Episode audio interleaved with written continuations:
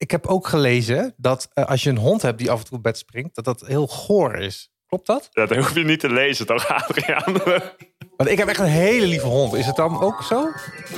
Natuurlijk is die ook vies. Oh, jammer. Oké, ja, ik dacht ik kan het proberen.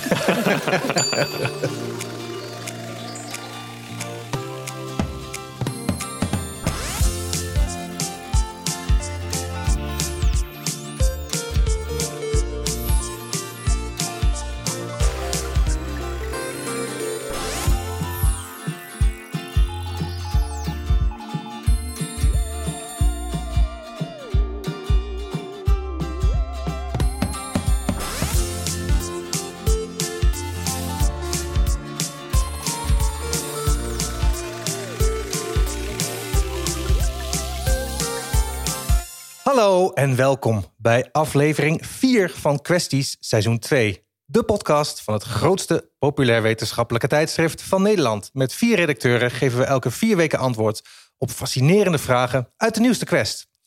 Deze week gaan we het hebben over onze bedrituelen. Hoe lekker vinden we een fris verschoond bed? Hoe vaak moet je überhaupt je bed opmaken? En wat is de beste slaaphouding? Geuren, daar hebben we veel te weinig woorden voor. Iets kan muf ruiken of fris of bijvoorbeeld penetrant. Maar heel veel smaken hebben we niet. Dus hoog tijd voor betere geurwoorden. Hoe ruikt bijvoorbeeld je oma? En tot slot voornaamwoorden. Iemand die zich niet een hem of een haar voelt... wordt bijvoorbeeld liever aangesproken met het voornaamwoord hen. Eh, maar is het dan niet beter om een generiek voornaamwoord te introduceren... die voor iedereen van toepassing is? Mijn naam is Adriaan Terbraak en naast mij op de redactie in Amsterdam zitten mijn collega's Pepijn van der Gulden en Roeline Bos. En op afstand zit Ellie Postumus. Hallo allemaal. Hallo. Hoi. Hallo, hebben we er zin in? Zeker. Nee, Eh, niemand heeft er zin in. Ellie, jij zit weer thuis, want je bent een beetje verkouden. Ja, ik ben ontzettend verkouden. Oké, nou toch fijn dat je erbij kan zijn. Eh Pepijn, hoe is het met jou?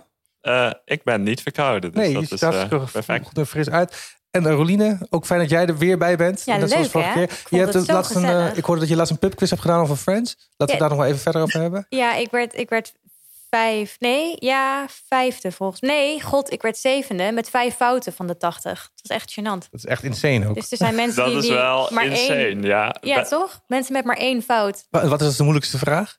De moeilijkste vraag. ehm, even kijken hoor. Ja, er waren heel veel vragen die maar echt met één zin in de hele serie eh, een keer genoemd worden. Dus bijvoorbeeld Oh hoe het eh, de imaginary friend van Monica heet. Dat noemt ze, dat- noemt ze één keer in Oh, één ja. aflevering. En dat wist jij niet, Eh, Roline. dat wist ik Oh, wel, oh, dat wist ik wel. maar. Wat, wie is dat dan? Jared. Oh, Wauw. Is. Dus, oh, maar over Friends gesproken. Want ik kreeg namelijk nog natuurlijk wel opmerkingen van... oh, heb je een half jaar van je leven Friends gekeken? Ja. Maar ehm daar moet ik wel bij zeggen... ik heb dus zeg maar al zeven jaar geen tv-aansluiting. Ik heb geen Netflix. Ik heb geen enkele andere streamingdienst. Dus mensen vinden dat misschien veel. Maar ik kijk niet nutteloos tv. Dus dat, dat heft elkaar toch wel op. Jij hebt geen andere keuze dan Friends kijken. alleen maar Friends. Kijk jij Friends in bed ook? Eh, nee. Nee? Oh, daar gaat het bruggetje. van. Dan gaat het bruggetje voor mij. Want we gaan het natuurlijk hebben over wat we allemaal uitspoken in bed.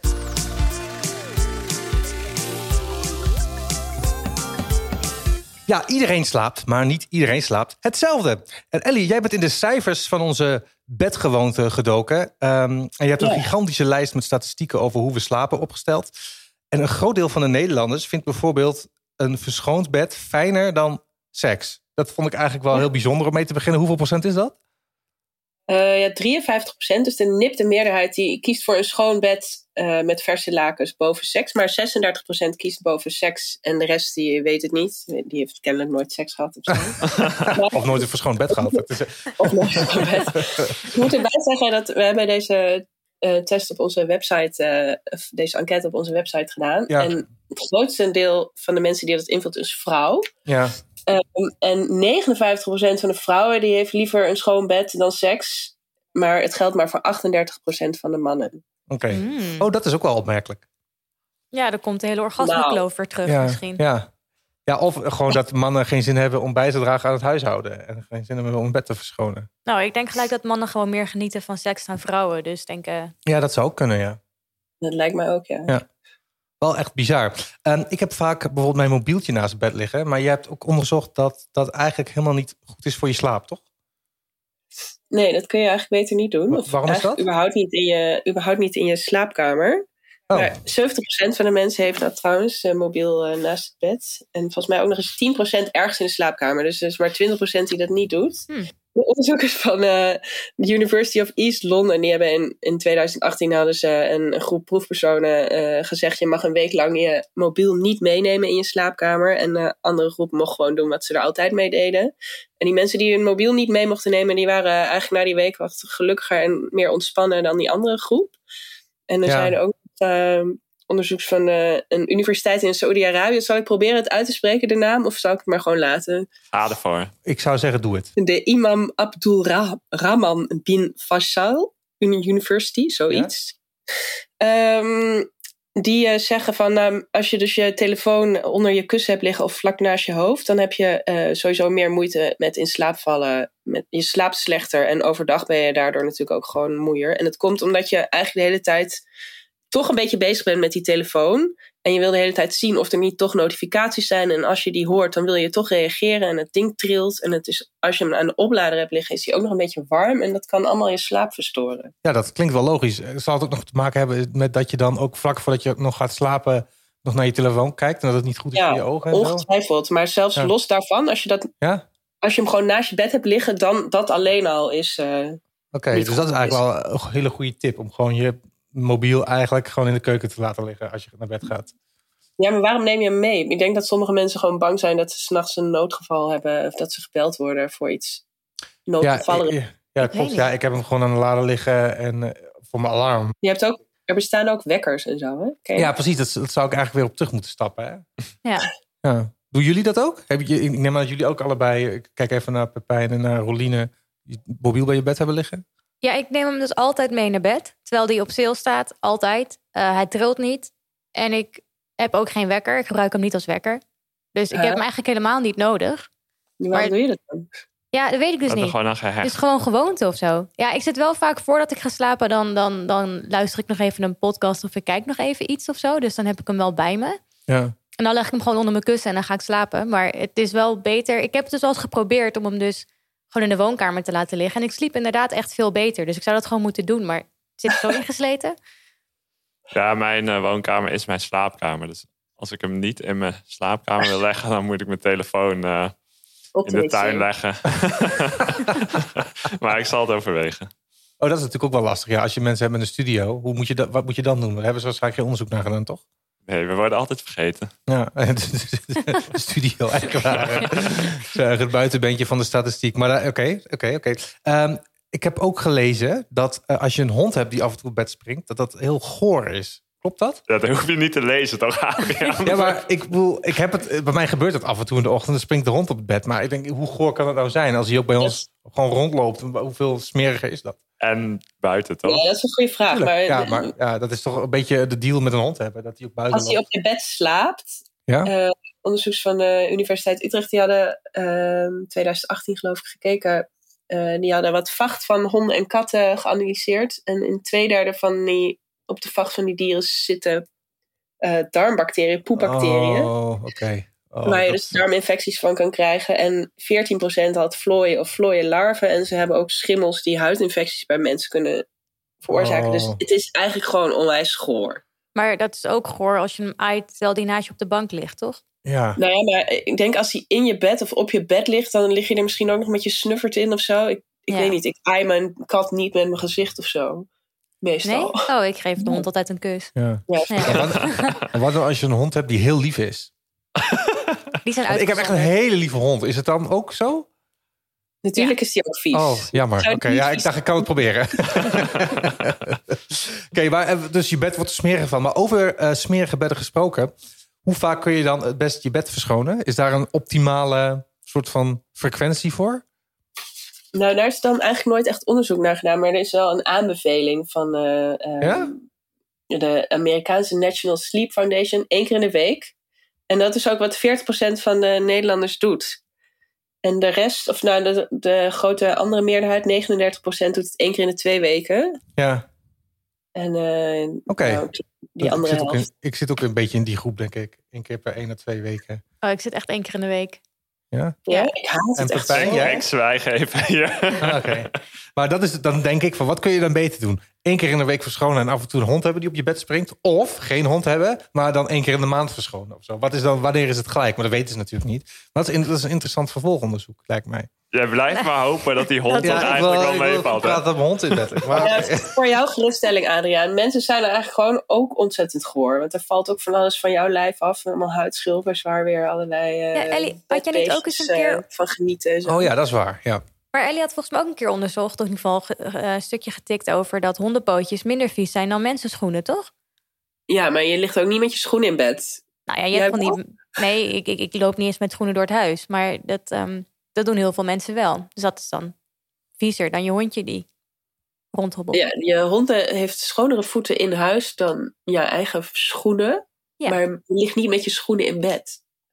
Nee, ik dat niet. zou pas echt vies zijn. Dus Adriaan, niet met je schoenen in bed. Oké, is goed. Dat, dat, eh, dat kan ik, eh, daar kan ik inkomen. Nee, ja, eigenlijk kun je dus ook bijna zeggen dat een bed gewoon een slecht idee is. Want je gaat, ook al verschoon je hem dan eens in de week, dan ga je toch weer in die eigen berg van afgeschilferde stukken huid, talg, zweet. Je weet het wel goed te verkopen. Daar ga je weer ja. lekker in liggen. Dat is natuurlijk best wel een slecht idee Waarom eigenlijk. verschoon je je bed dan niet één keer in de week, Pepijn? Ja, kijk, het is ook een beetje een afweging. Hoeveel moeite steek je Maar, daarin? maar het is wel een goed punt natuurlijk. Want zelfs na een week, eh, bedoel, dan heb je Je toch al moet zes dagen... gewoon elke week een nieuw matras kopen. Ja, Ja, maar dat trekt ook in je matras, toch? Ja, ja, ja. Je moet, je, eigenlijk zou iedereen gewoon... eh, nou, je hebt er eigenlijk natuurlijk ook niet echt last van. Heb je heel vaak last van jeuk van bedbeestjes? Ik niet. Nou, wat dus een van die dingen is de huisstofmijtallergie. Dat is wel Ja. een van de dingen die heel erg gerelateerd wordt aan dat bed. Hm. Want die Ja. hui- huisstofmijten, dat zijn eigenlijk beestjes die gewoon jouw huidschilfers opeten. Eh, en je hebt dan, die allergie komt door hun poep, die dus ook Ja, in jouw bed ligt. Daar kun je dus zo'n zo'n eh, anti-allergene hoes voor kopen. Daar, die heeft veel kleinere gaatjes of zo. En dan komt dat dan niet zo goed doorheen. Begreep ik. Dus eigenlijk Ja. zou iedereen dat moeten hebben. Dan heb je wel een redelijk schoon bed. En als je dat dan elke week schoonmaakt, lijkt me dat je toch wel. eh, Maar ja, ik heb geen huisstofmijtallergie. Dus moet ik dat dan ook doen? Ja, weet ik niet. Misschien is het wel zo fris. Maar ja, het zijn natuurlijk allemaal dingen. Als je het door een microscoop bekijkt, is het echt intens goor. Maar aangezien we het gewoon niet zien. En als je er dan maar niet over nadenkt, dan heb je er toch niet zoveel last van. Nou, dit was natuurlijk slechts een greep van de cijfers uit het stuk van Ellie. En als je dus nog meer van dit soort dingen wil weten, lees je die uiteraard in de allernieuwste Quest. Een bed dat heel lang niet is verschoond, gaat ook heel erg stinken. Wat een fijn bruggetje, want we gaan het hebben over geuren. Want in geuren en kleuren kun je iets heel uitgebreid beschrijven. Maar eigenlijk zijn er veel betere woorden voor kleuren dan voor geuren. Iets kan rood, blauw, okergeel en ga zo maar door zijn. Maar voor geuren is dat natuurlijk veel onduidelijker. Er is niet echt een spectrum en er zijn vaak hele subjectieve niet beschrijvende woorden. En dat is niet handig.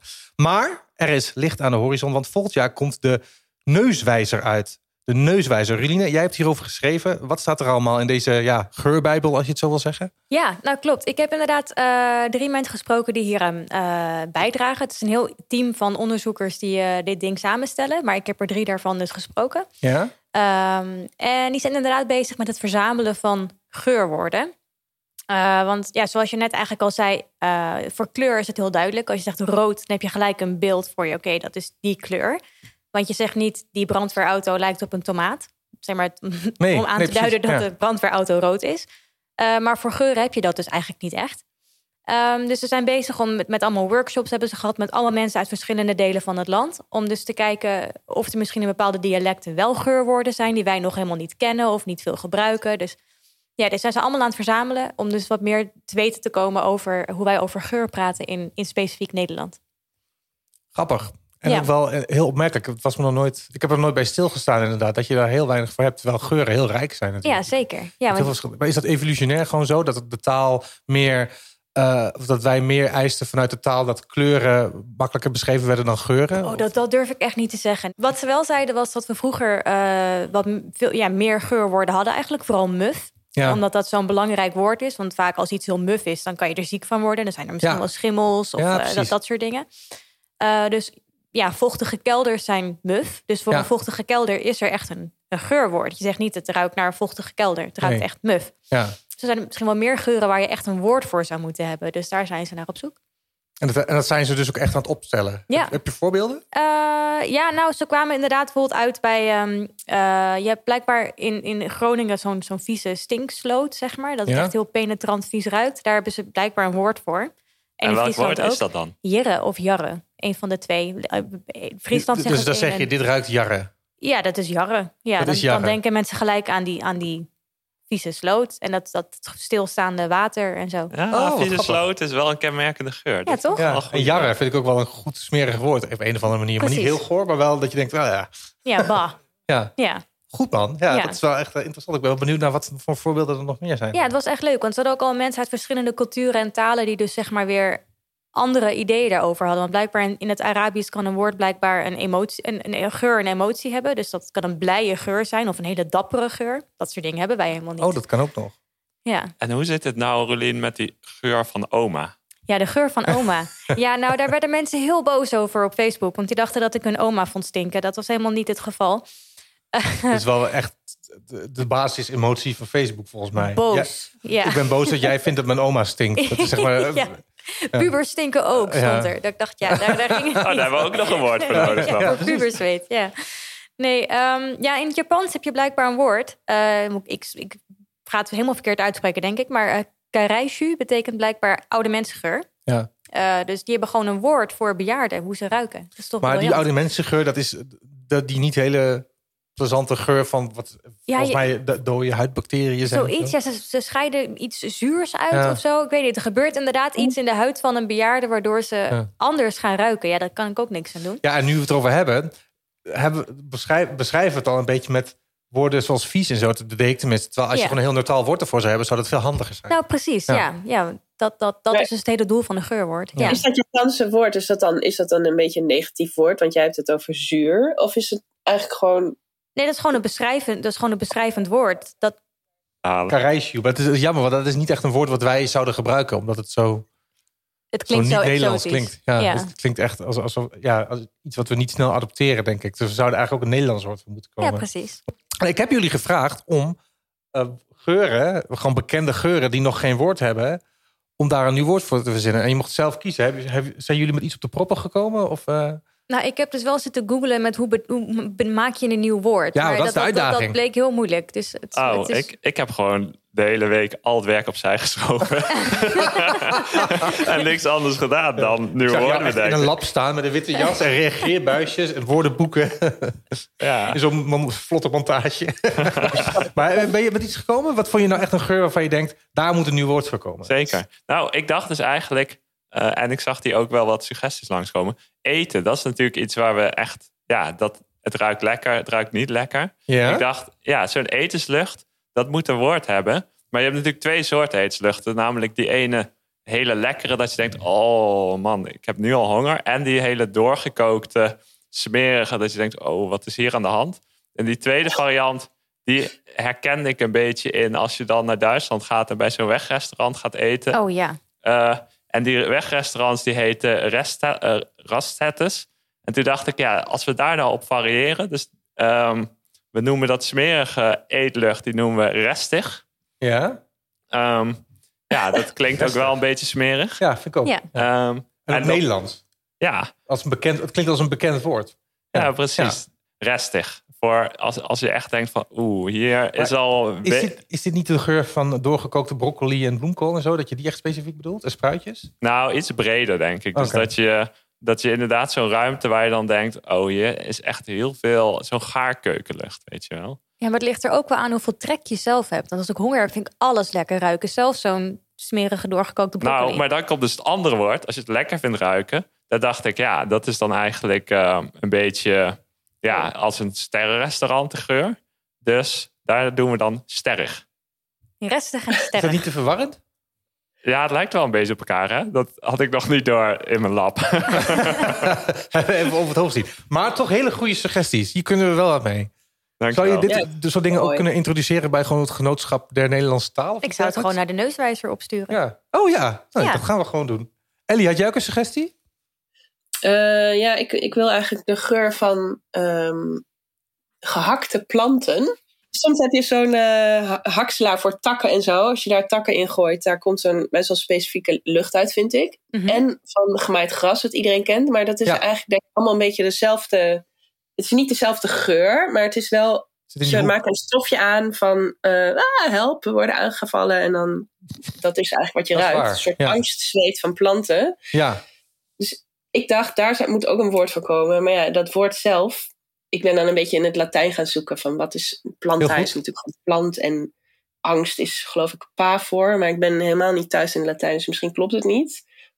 En sudo is geloof ik zweet, maar ik kwam eigenlijk niet verder dan planta pavor zo. En dat is dan gewoon plantenangst. Maar Ik vind het briljant. ik vind het ook heel goed. Ik ben heel tevreden met deze suggestie. Dus het Ja. zou, ja, je zou het eigenlijk gewoon op, op Pavor kunnen gooien misschien. Dat klinkt ja, ook maar wel- dat is gewoon angst. Ja, maar dat maakt het Ja, niet uit. maakt Dat is niet wel uit. een mooi woord. Klinkt ja. ook wel chic. Ja, Ja, zo. De- Ja. de geur van plantenangst. Heel Grimmig. Ja. Ja, dan mag het nietje van het vers gemaakt. Ja, nu en zeggen nu dat- het in één keer... Ah, gedood! Het is echt- het maakt, ja, dat maakt het wel een, stu- een stuk macaberder allemaal. Maar dat maakt niet uit. Rolien, had jij nog een suggestie of eh skippen we dat? Nou ja, ik had niet een woord bedacht, maar ik wil echt een woord voor het, het bos waar net de regen op is gevallen. Oké. Ja, dus oké. ja. Dan En- kunnen we mensen misschien suggesties Ja. insturen. Dat is misschien dus leg even uit en dan gooien we dat online en dan kun je... Nou ja, ik zou dus echt heel graag een woord willen voor als je in het bos loopt en het heeft net geregend. Dan komt er altijd zo'n frisse, fijne, warme geur op je af. En daar wil ik echt een woord voor. Oh ja, staat dat nog niet al in de geurwijzer? Dat je weet? Eh, weet je voor zover ik weet niet. Oké, Maar- nou, we kunnen zeggen... eh, als luisteraars daar een heel leuk woord voor hebben... stuur het op en de leukste suggestie... die wint een Quest prijzenpakket. Ja, lijkt En geurstokjes. Zouden we niet een Quest geurstokje, Quest geur kunnen? Oh, een De geur, de geur van wijsheid en, en, en, en, en nieuwsgierigheid.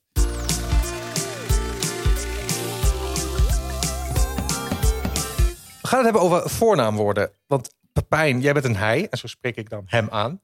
Eh Roeline of Ellie is een zij en zo spreek ik haar aan. Maar er zijn ook mensen die zich niet aangesproken voelen door dit soort voornaamwoorden. En er bijvoorbeeld voor kiezen om aangesproken te worden met hen of die. En dat noemen we dan genderneutraal.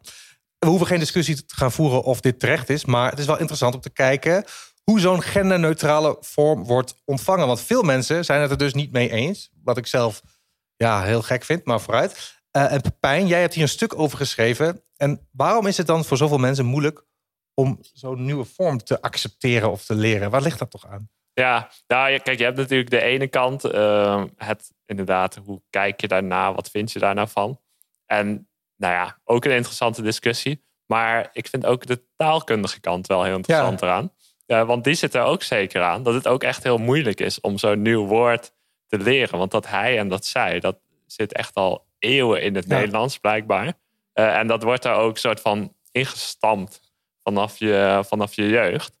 Eh, dus we zijn heel erg geneigd om in die systemen te denken. En het is heel lastig om daar vanaf te komen. En dat merk je ook wel, want nu komen af en toe teksten uit die dan eh, bijvoorbeeld eh, Raven van Dorst, eh, die, Ja, ja, wat is ze? Ja, daar ga ik al. Eh, ja, is dat vraagt gewoon een, eh, een soort van aanpassing om dat in je systeem te krijgen. En dat is eh, gewoon een lastige opgave. Ja dat, dat, dat, daar ben ik het mee eens. Maar dat is toch niet de reden om het niet te doen? Tenminste, ik neem, ik, vind, ik neem aan dat jij dat ook vindt. Maar het is meer van het algemeen. Waarom doen mensen daar zo moeilijk over? Dat vind ik gewoon zo gek. Nee, ja, dat is dus die, die soort van discussie van... oh, we zijn toch man of vrouw en eh, dat is toch heel simpel. Eh, nou ja, dat is dus niet zo simpel, want daar herkennen mensen zich niet in. Eh, die, die voelen zich niet man of vrouw en dan daarvoor is dus die andere vorm. Ja. Maar dan is het een hele logische vervolgvraag. Moet je dan nog wel al die verschillende onderscheiden maken? En niet gewoon, want dat heb je in sommige talen, gewoon één woord hebben voor alles. Ja, dus dat is een hele interessante vraag, ook voor ons als Quest. Ja. Want wij eh, schrijven natuurlijk stukken. eh, en dan gebruik je nog wel eens een voorbeeld. Ehm, en ehm, ja, dan ben je geneigd, of in ieder geval dat merk ik aan mezelf, als we bijvoorbeeld schrijven over een, eh, over een tandarts.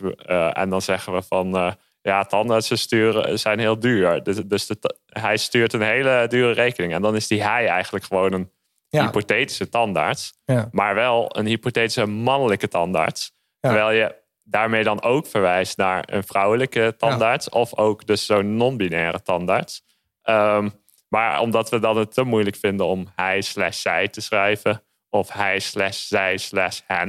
en dat wordt natuurlijk wel een beetje ingewikkeld, eh, kiezen we dan voor Ja. die hij-vorm. Of misschien soms ook voor die zij-vorm. Maar ja, dan sluit je eigenlijk ook weer dus andere mensen uit. Ja. ja, ik probeer er dan altijd heel knullig omheen te schrijven. Nou ja, ik denk dat dat al best een goede oplossing is. En als ik het er niet omheen kan, dan zeg, dan zeg, dan ik meestal eerst zij en dan hij. Dat heb ik een Wat? keer gehoord. Dus zij- verandert zij of gewoon van geslacht. Nee, in- doe dan gewoon, je zegt altijd, het is hij of een zij. Dat je Oh, zo. van, eh, maar dus je doet hij slash zij. Maar ik maak er dan zij slash hij. Ja, dat, dat zijn ik allemaal dat van leuk die... vind.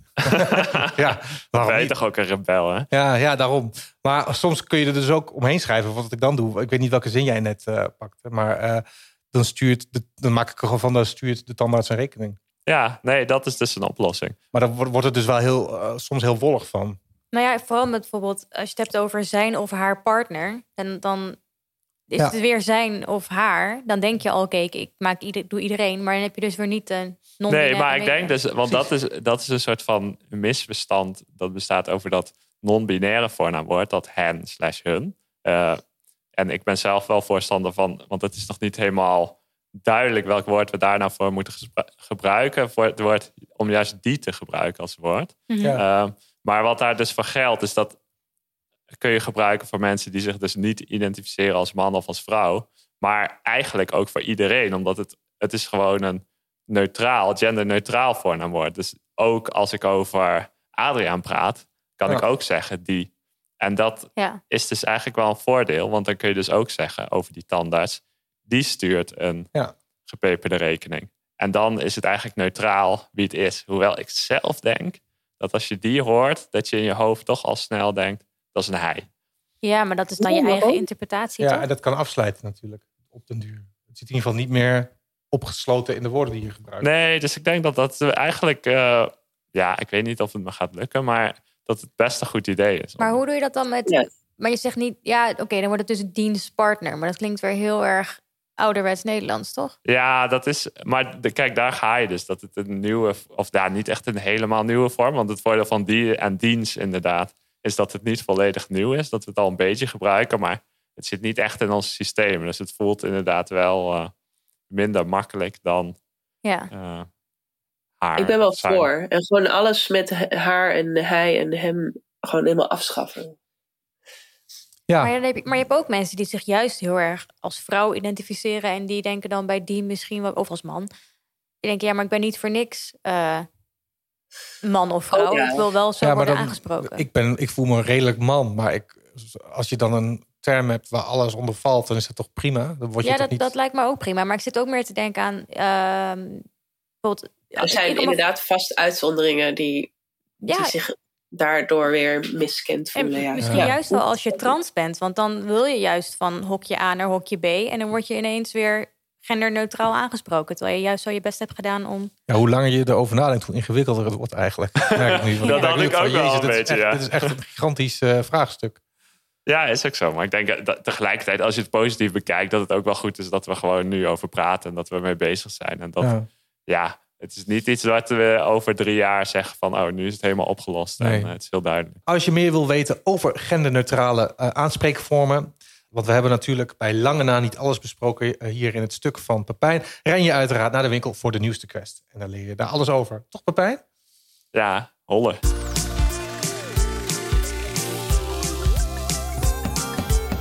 Ah ja, de quiz. Heerlijk. Ehm, de tussenstand is 9 voor Ellie, 10 voor Roline slash Melanie en 11 voor Pepijn. Vraag 1. Hoe vaak is de Bijbel verkocht? Degene die het dichtst bij zit, krijgt punt. Ellie. Ehm, Dit zijn natuurlijk schattingen, maar... Wereldwijd er is hebben we het dan ja, over. Ja, niet alleen in Urk. Nee, wereldwijd. En ook alle Urk, soorten hè? bijbelvertalingen. Ja, ja, dus ook- ja, en dan precies, ook, ja. ook, zeg maar, als er los een Nieuw Testament wordt verkocht... wordt dat dan onder Bijbel geschaard? Doe maar, ja. Jij weet het Eh, zo exact dat je deze vraag nodig hebt. Ja. Nou ja, ja. Oké, Oh, ja. Ellie? ik denk 10 miljard.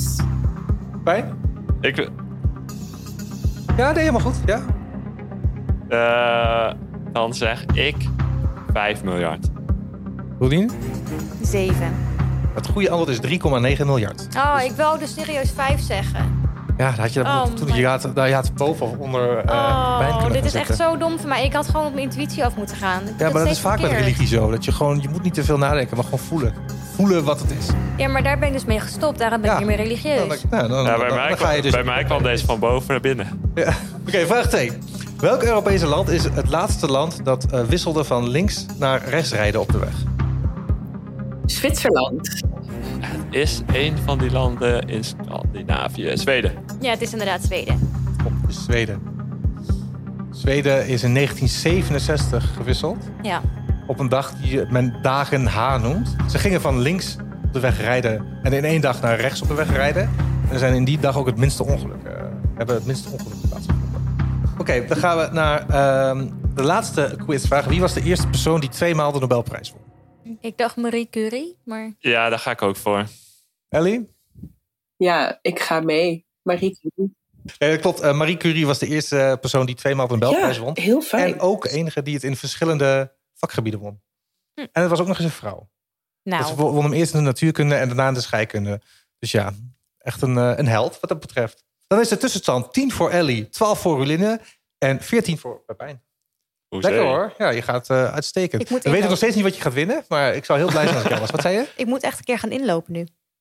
Ja, maar het, komt, dat, het kan heel snel gaan hoor. Want eh, ik kan me ook herinneren dat bijvoorbeeld eh, Ellie heel ver achter stond, maar die is ook al redelijk ingehaald.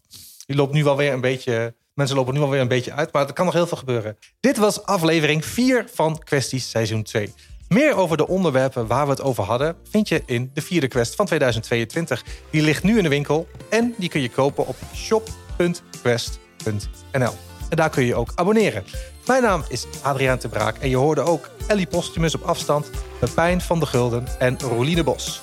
Ehm, vind je kwesties leuk? Abonneer dan snel. Laat een review achter en vertel het al je vrienden. Je kunt ons ook bereiken via Twitter, QuestNL of per mail kwesties.quest.nl. Uiteraard allemaal met u. u. Bedankt voor het luisteren en over vier weken. Doei!